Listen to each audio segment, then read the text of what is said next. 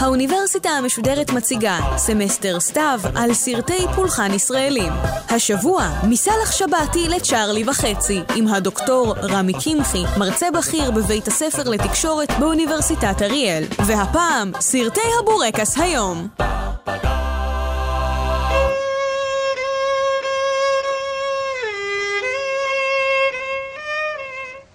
ערב טוב, אנחנו בהרצאתנו האחרונה בסדרה על סרטי הבורקס.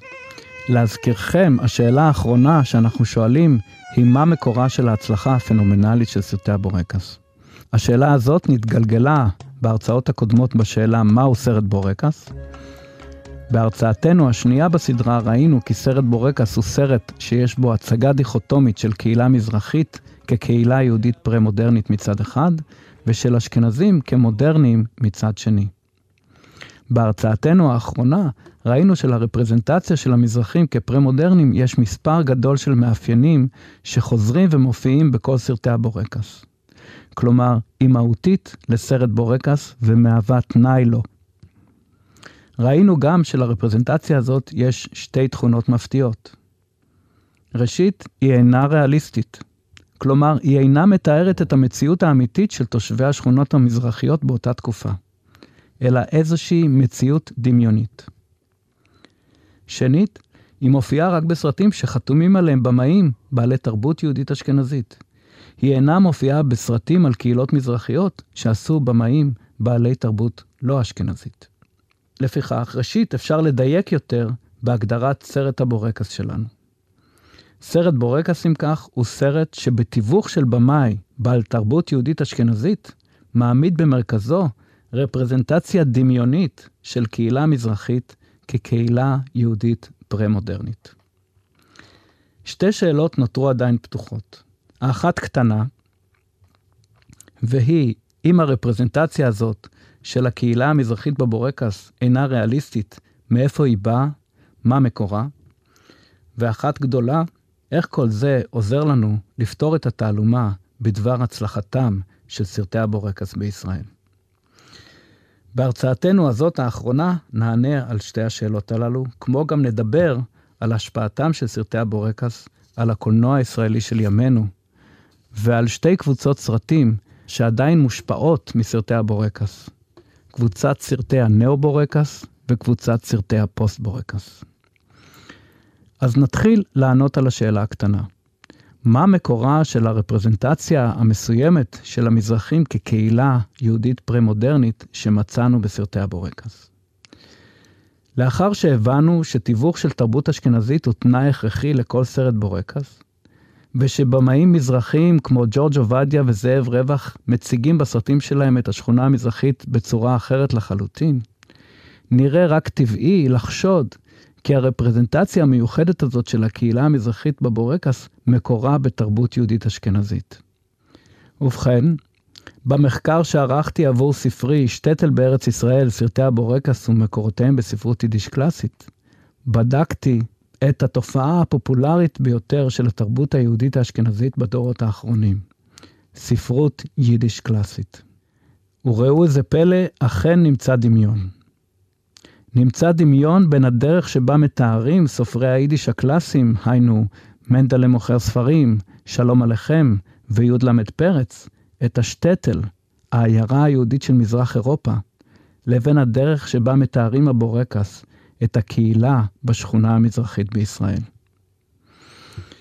עקרונית, נמצא כי כל המאפיינים היוצרים את הרפרזנטציה הפרדיגמטית של השכונה המזרחית בסרטי הבורקס ושפורטו כאן בהרצאה שעברה, מופיעים במקביל כחלק מהרפרזנטציה של השטטל ביצירות הספרותיות שמטעמם של הסופרים הנזכרים.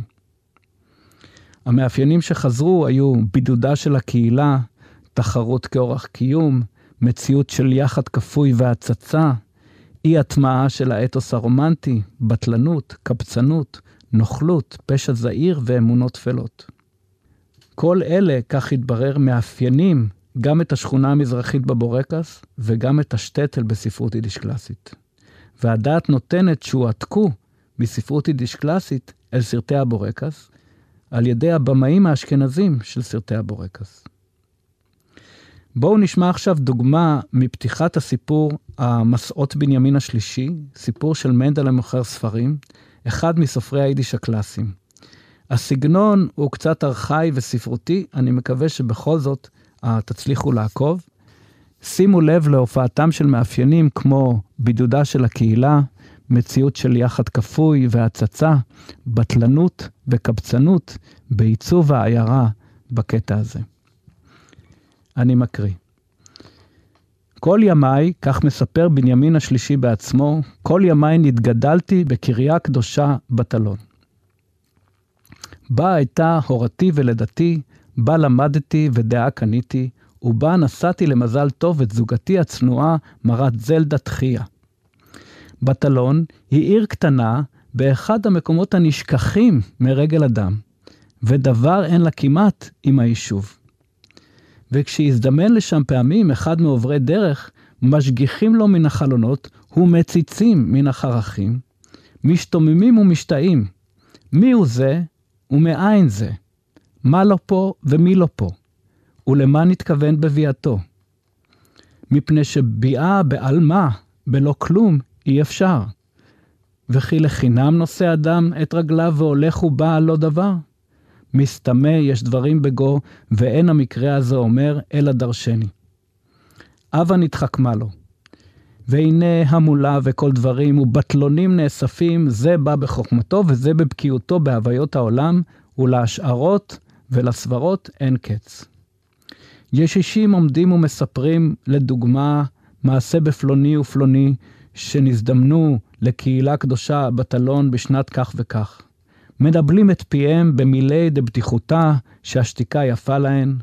הגברים מחזיקים איש בפאת זקנו ומשחקים. זקנות עושות עצמן כועסות וגוערות בליצנים, בנזיפה וגיחוך כאחד. נשים צעירות משפילות ראשן, יד לפה ושוחקות בתרועה, והשיחה בעניין זה מתגלגלת מבית לבית ככדור של שלג, ובדרך הילוכה היא מתגדלת יותר ויותר, עד שהיא מתגלגלת ובאה ללשכת אחורי התנור בבית המדרש. כאן אני מדלג קצת.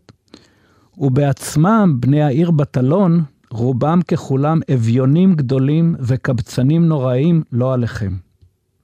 אבל הכל מודים שהם אביונים שמחים, קבצנים טובי לב ובעלי ביטחון משונים. כשאתה שואל את הבטלוני, רבי יהודי, במה אתה עוסק וממה אתה ניזון, הוא עומד מבולבל ואינו יודע מה להשיב.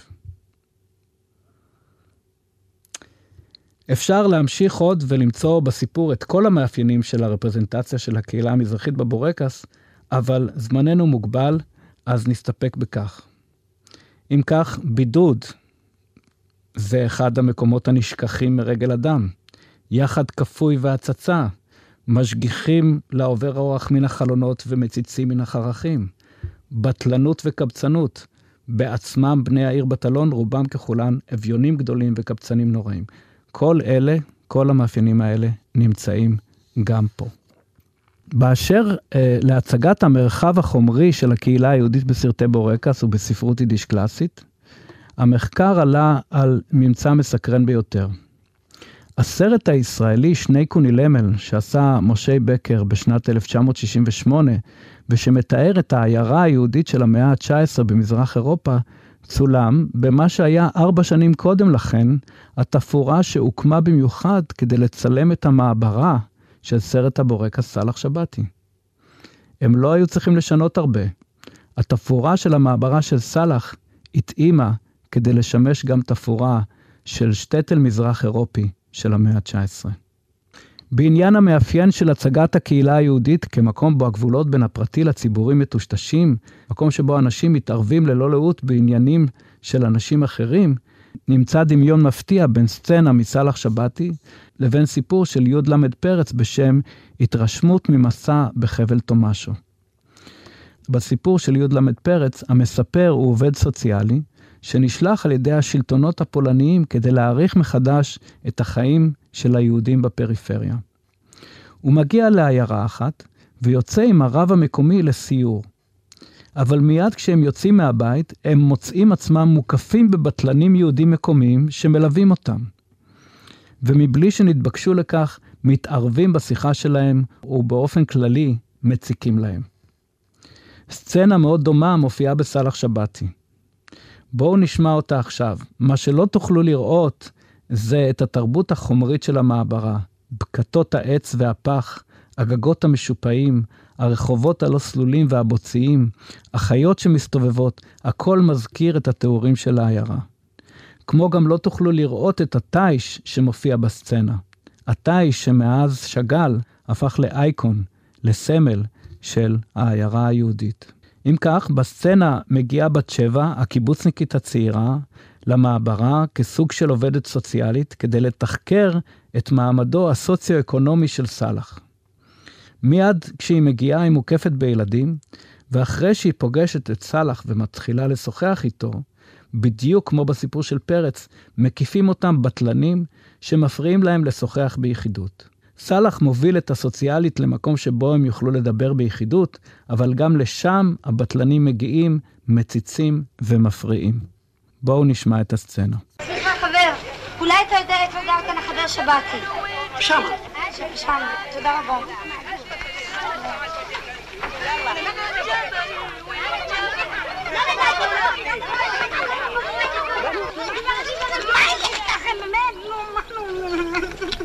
שלום גברת, אין עבודה, אין לחם, אין שיכון, שבעה ילדים, אחד בבטן, השם שלו בן גוריון. צריך פתק בשביל שיכון, גברת. אני אינני נותנת שום פתק, מר שבתי.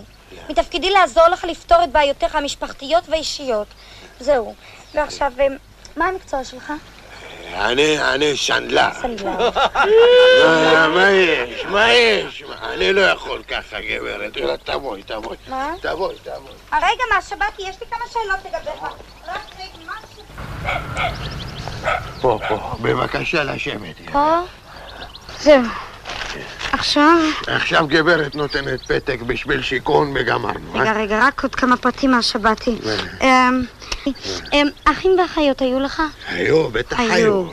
היו. כמה? אה, זה אי אפשר לדעת ככה, גברת. אה, היו הרבה, מתו, בערך. בערך, הרבה בערך. מתי התחתנת? מזמן, בן כמה היית? אה, קטן. בכל זאת? בכל זאת, אצלנו זה ככה. מה- זה פה, קולנוע?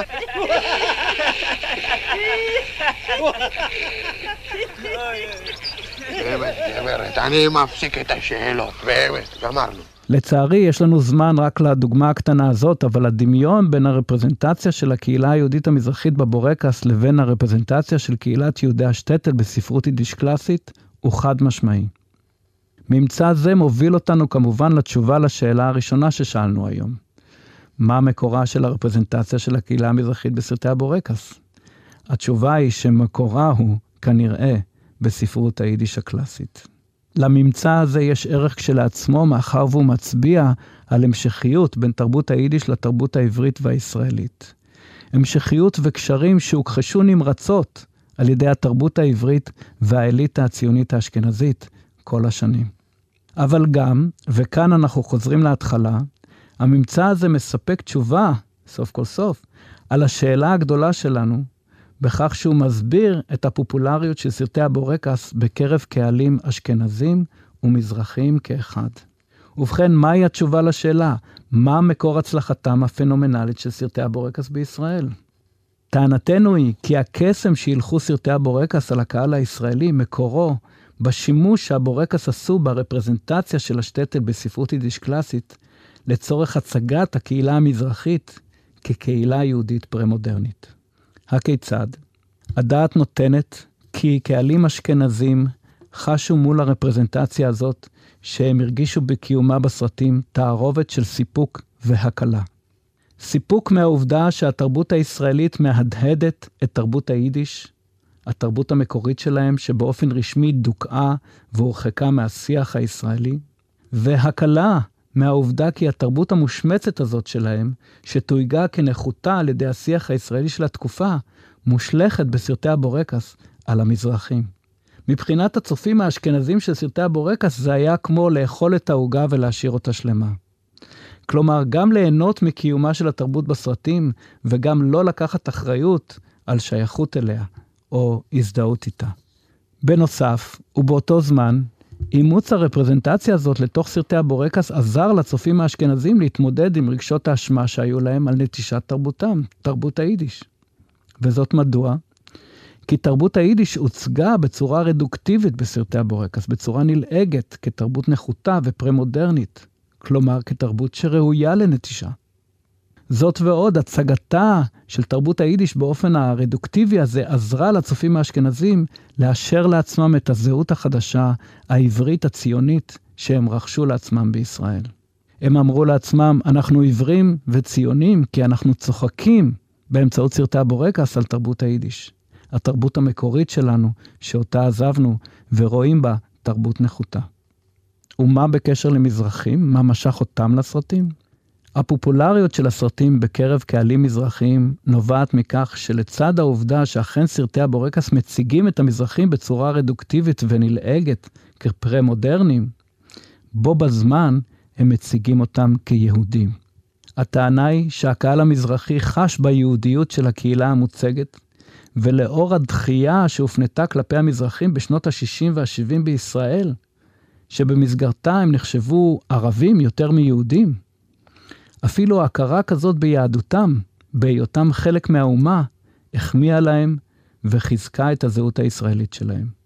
כלומר, מה שהמזרחים הבינו מסרטי הבורקס הוא שהאליטות הישראליות באות ואומרות להם, אתם אולי פרה-מודרניים, אבל אתם יהודים. ובעצם אנחנו די מחבבים אתכם כי אתם מזכירים לנו את הסבים שלנו. לסיכום העניין של הצלחת סרטי הבורקס אני רוצה להעיר. אני לא מבקש לטעון כי במאים של סרטי בורקס כמו קישון ודוידזון הושפעו ישירות מספרות יידיש קלאסית. רוב הסיכויים שהם לא קראו את הספרות הזאת, לפחות לא בצורה רצינית. הטענה שלי היא שכשהבמאים האלה באו לתאר קהילה יהודית, ומאחר והם לא באמת הכירו את המזרחים, הם עשו זאת בדרך היחידה שהייתה מוכרת בתרבות שלהם. ותוך כדי חזרה על סיפורים ודמויות ומצבים שכבר עוצבו בתרבות שלהם בעבר, והיו באוויר. הם פשוט תיארו קהילה יהודית בדרך היחידה המוכרת להם.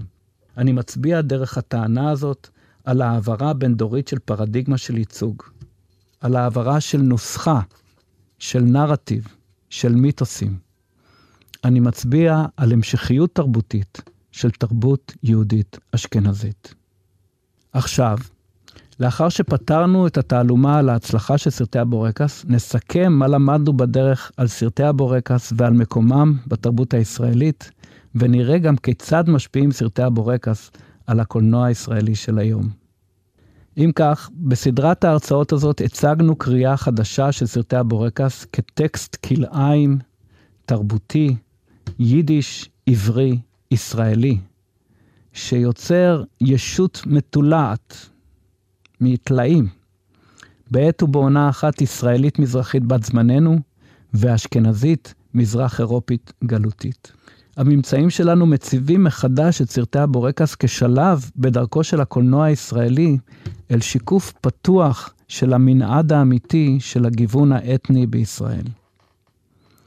הם מצביעים על הבורקס כעל סייקל, מחזור, המשקף שלב שבו הקולנוע הישראלי כבר היה בשל לשקף סוג מסוים של אתניות יהודית פרה-ציונית, תוך כדי קריאת תגר על האידיאולוגיה של שלילת הגלות, אבל אך ורק תוך כדי הסוואת המקור האמיתי של המאפיינים האתניים והשלכתם על אחרים. יוצאי הסרטים האשכנזים שהיו נתונים לדיכוי תרבותם, תרבות היידיש, שיצרה תפיסת שלילת הגלות, נאלצו בשלב הזה לבטא את תרבותם האתנית היהודית הגלותית, תרבות היידיש, דרך השלכתה על המזרחים, עיוותה והצגה רדוקטיבית שלה. אבל נראה לי שהבורקס סלל דרך לקבוצה עדכנית ומצליחה של סרטים ישראלים אתניים שעשו קולנוענים מזרחים שהם בני דור שני להגירה לישראל. החל באמצע שנות ה-90 החלו קולנוענים ישראלים להציג בפתיחות את התרבויות האתניות היהודיות הגלותיות שלהם. זה קורה בסרטים כמו חתונה מאוחרת מ-2001, שיש בו רפרזנטציה של תרבות יהודי גיאורגיה. זה קורה ב- "ולקחת לך אישה" מ-2005 של רונית אלקבץ, שמציג רפרזנטציה של תרבות יהודי מרוקו. וזה קורה למשל בשלוש אמהות מ-2006, שבו יש רפרזנטציה של התרבות הגלותית של יהודי מצרים. זה היה רק הגיוני אילו היו הבורקס פותחים את השערים גם להפקה של סרטים אתניים שמוקדם הזהות הישראלית האשכנזית. אבל נראה שהאליטות הישראליות האשכנזיות עדיין לא בשלו לכך. יתרה מזאת, מבחינתה של תרבות היידיש, עוצמתה של שלילת הגלות עדיין לא פגה. סרטים מוטלאים, שיש להם טלאים, חדשים שמתארים עירוב בין תרבות יהודית לתרבות ישראלית עברית, עדיין מופקים בישראל. יתרה מכך, נוסחת הבורקס לא נעלמה לחלוטין מתעשיית הקולנוע בישראל. בקולנוע הישראלי של הזרם המרכזי בשנים האחרונות, אפשר למצוא סרטים שמקיימים כמה מאפיינים יסודיים של סרטי בורקס. אפשר להבחין בין שתי תתי קבוצות של סרטים כאלה, פוסט בורקס ונאו בורקס. אני מגדיר כפוסט בורקס סרטים המתארים קהילה מזרחית תוך שימוש ברפרזנטציה שמגזימה או מעוותת באופן מכוון ומודע מאפיין אחד או יותר של פרדיגמת הרפרזנטציה המקורית של סרטי הבורקס, ובכך גם משכפלת את הבורקס וגם מותחת על סרטי הבורקס ביקורת דרך הצגה פרודית. בין הסרטים האלה אני מוצא את אה, חולה אהבה בשיכון ג' מ-1995, את ביקור התזמורת מ-2007 שהצליח מאוד בעולם, ואת שובר הקופות המקומי, זוהי סדום, מ-2010. ביקור התזמורת מתמקד ברפרזנטציה מוקצנת ומעוותת מעט של שני מאפיינים מרכזיים של הבורקס. בידוד השכונה והקהילה מסביבתה הקרובה, ויחד כפוי וטשטוש גבולות בין המרחב הפרטי לציבורי בשכונה המזרחית. נרטיב הסרט מתבסס על עימותים הנובעים ממפגש כפוי בין תושבי עיירה המזרחית נידחת ומבודדת באמצע המדבר הישראלי, לבין חברי תזמורת מצרית שנאלצים בשל טעות בניווט לעשות את הלילה בדירות שיכון קטנות וצפופות של תושבים מזרחיים מקומיים. בואו נשמע אה, סצנה מביקור בתזמורת. שלושה חווי תזמורת מצריים סועדים בדירת השיכון הקטנה של אבי, מזרחי מקומי מובטל, שמזמין אותם לביתו. הלילה הוא במקרה ליל יום ההולדת של אשתו של אבי. והיחד הכפוי הזה, שהעובדה שהמשתתפים בו שייכים לשתי אומות הנמצאות בסכסוך, הופכת אותו לקיצוני ביותר, מוציא מהאישה שמרגישה שיום ההולדת שלה נהרס, ושיש כאן פלישה קיצונית של זרים למרחב הפרטי שלה, תגובות עוקצניות. שימו לב גם לטשטוש בין המרחב הפרטי לציבורי, שבא לידי ביטוי בריב המביך זוג החברים הישראלים של המארחים, שנעשה בנוכחות זרים. נוכחים בסצנה אבי, אשתו, זוג חברים ישראלים שלהם ושלושה חברי תזמורת מצרית. בואו נשמע. You know she has a birthday today. Um, um, happy birthday. Thank you. many happy years. Thank you. את רואה שהם בסדר? אנשים נחמדים כאלה, לא? למה שלא יהיו? התעוררת אתה? מאוד נחמדים. כן, חבל שהם לא באים לפה יותר. תזמין אותם, שיבואו הרבה. So what do you do in the orchestra? What, what do you play? I play the clarinet and uh, I also conduct. Do you work in the restaurant? Uh, not really, I'm, I'm, I'm between works now. Between for almost a year. It's clean, okay? Okay. שיגיד תודה, מה עושה פרצופים? You know, I, I also played uh, כינור. הנה הוא מתחיל. I used to play in uh, אולמות, uh, חתונות, בר מצוות. That's how I meet my wife. עוד פעם הסיפור הזה, לא הכרנו שם, הכרנו אצל הדודה שלך. בחייך, לא נפגשנו בקליפסו. ולא הכרנו שם, הכרנו אצל הדודה שלך. בסדר, אבל האהבה איפה התחילה? איזה אהבה. חוץ מזה, מה, למה חשובה לך כל כך הפרוצדורה? אכפת לך שהם יחשבו שנפגשנו בקליפסו? נו, מה זה חשוב עכשיו איפה הכרתם? שיחשבו מה שהם רוצים. בתחום הקטגוריה השנייה, נאו-בורקס, אני כולל סרטים שמשכפלים לפחות חלקית, בצורה נאיבית וטבעית, את הרפרזנטציה הפרדיגמטית של השכונה המזרחית בסרטי הבורקס, עם שינויים מסוימים להתאמת הרפרזנטציה לתקופה ולמקום שבהם מתרחש הסיפור. בין הסרטים האלה, סוף העולם שמאלה, מ-2004, שבו הרפרזנטציה הבורקסית של הקהילה המזרחית נרתמת לתיאור האוכלוסייה המזרחית של דימונה בשנות ה-50, אהבה קולומביאנית מ-2004, שמתארת את משפחתו המזרחית של הגיבור, תוך שימוש ברפרזנטציה של סרטי הבורקס, ואביבה אהובתי מ-2006, שמעביר את השכונה המזרחית של סרטי הבורקס לטבריה של שנות האלפיים. בואו נשמע סצנה מאביבה אהובתי. אנחנו נשמע סצנה שמתארת יום אופייני בשכונה של אביבה, גיבורת הסרט. כמו בצ'ארלי וחצי, גם כאן יש חיים ברחוב, ואנשים מדברים מחלון דירתם אל הרחוב. כלומר, גם כאן יש טשטוש גבולות בין המרחב הפרטי והציבורי. אביבה! אביבה! אביבה! אה? למה סגרת טלפון? שאני קוראת לה! מה קרה? אמא שלך עוד פעם! בסדר, תודה, אני רצה. ותגידי לאניטה שתחזיר לי את השואב לפני שאני אכעס עליה! בסדר. אביבה! לאן? לאמא. עכשיו, את לא נורמלית! נו, מה אני אעשה? היא על החלון. מה עם החולצה שלי? אני לא מבטלת את השיעור עם עודד, תשכחי מזה. אניטה!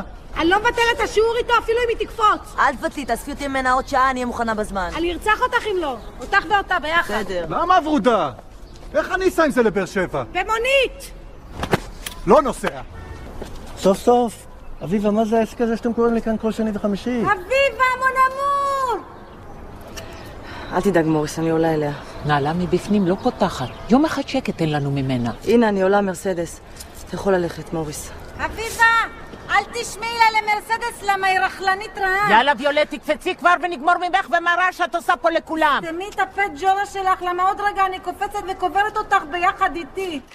ולקראת סיום, שאלה אחרונה. מה הולך לקרות עם הבורקס בעתיד? אני מאמין שנוסחת הבורקס תמשיך להופיע ותישאר רלוונטית לקולנוע הישראלי הפופולרי של הזרם המרכזי, כל עוד ימשיכו לשרור שלושה תנאים. א', האליטות האשכנזיות הוותיקות תמשכנה לשלוט בישראל. ב', הקיטוב בין אשכנזים למזרחים ימשיך להיות כוח דומיננטי בחברה הישראלית. וג', תפיסת שלילת הגלות תמשיך לפעול ככוח שמגביל את השיח הישראלי.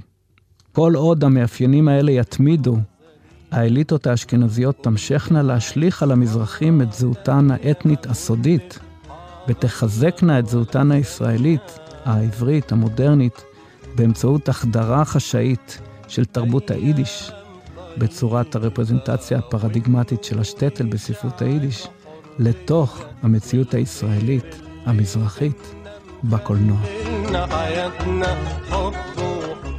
עסקנו בארבעת ההרצאות האחרונות בסרטי הבורקס הישראלים. ניסינו לעלות על השאלה מה הפך את סרטי הבורקס הישראלים לכל כך פופולריים. אני מקווה שענינו על השאלה הזאת. אני מודה לכם שהייתם איתנו, ואני מקווה שנהניתם מסדרת ההרצאות הזאת.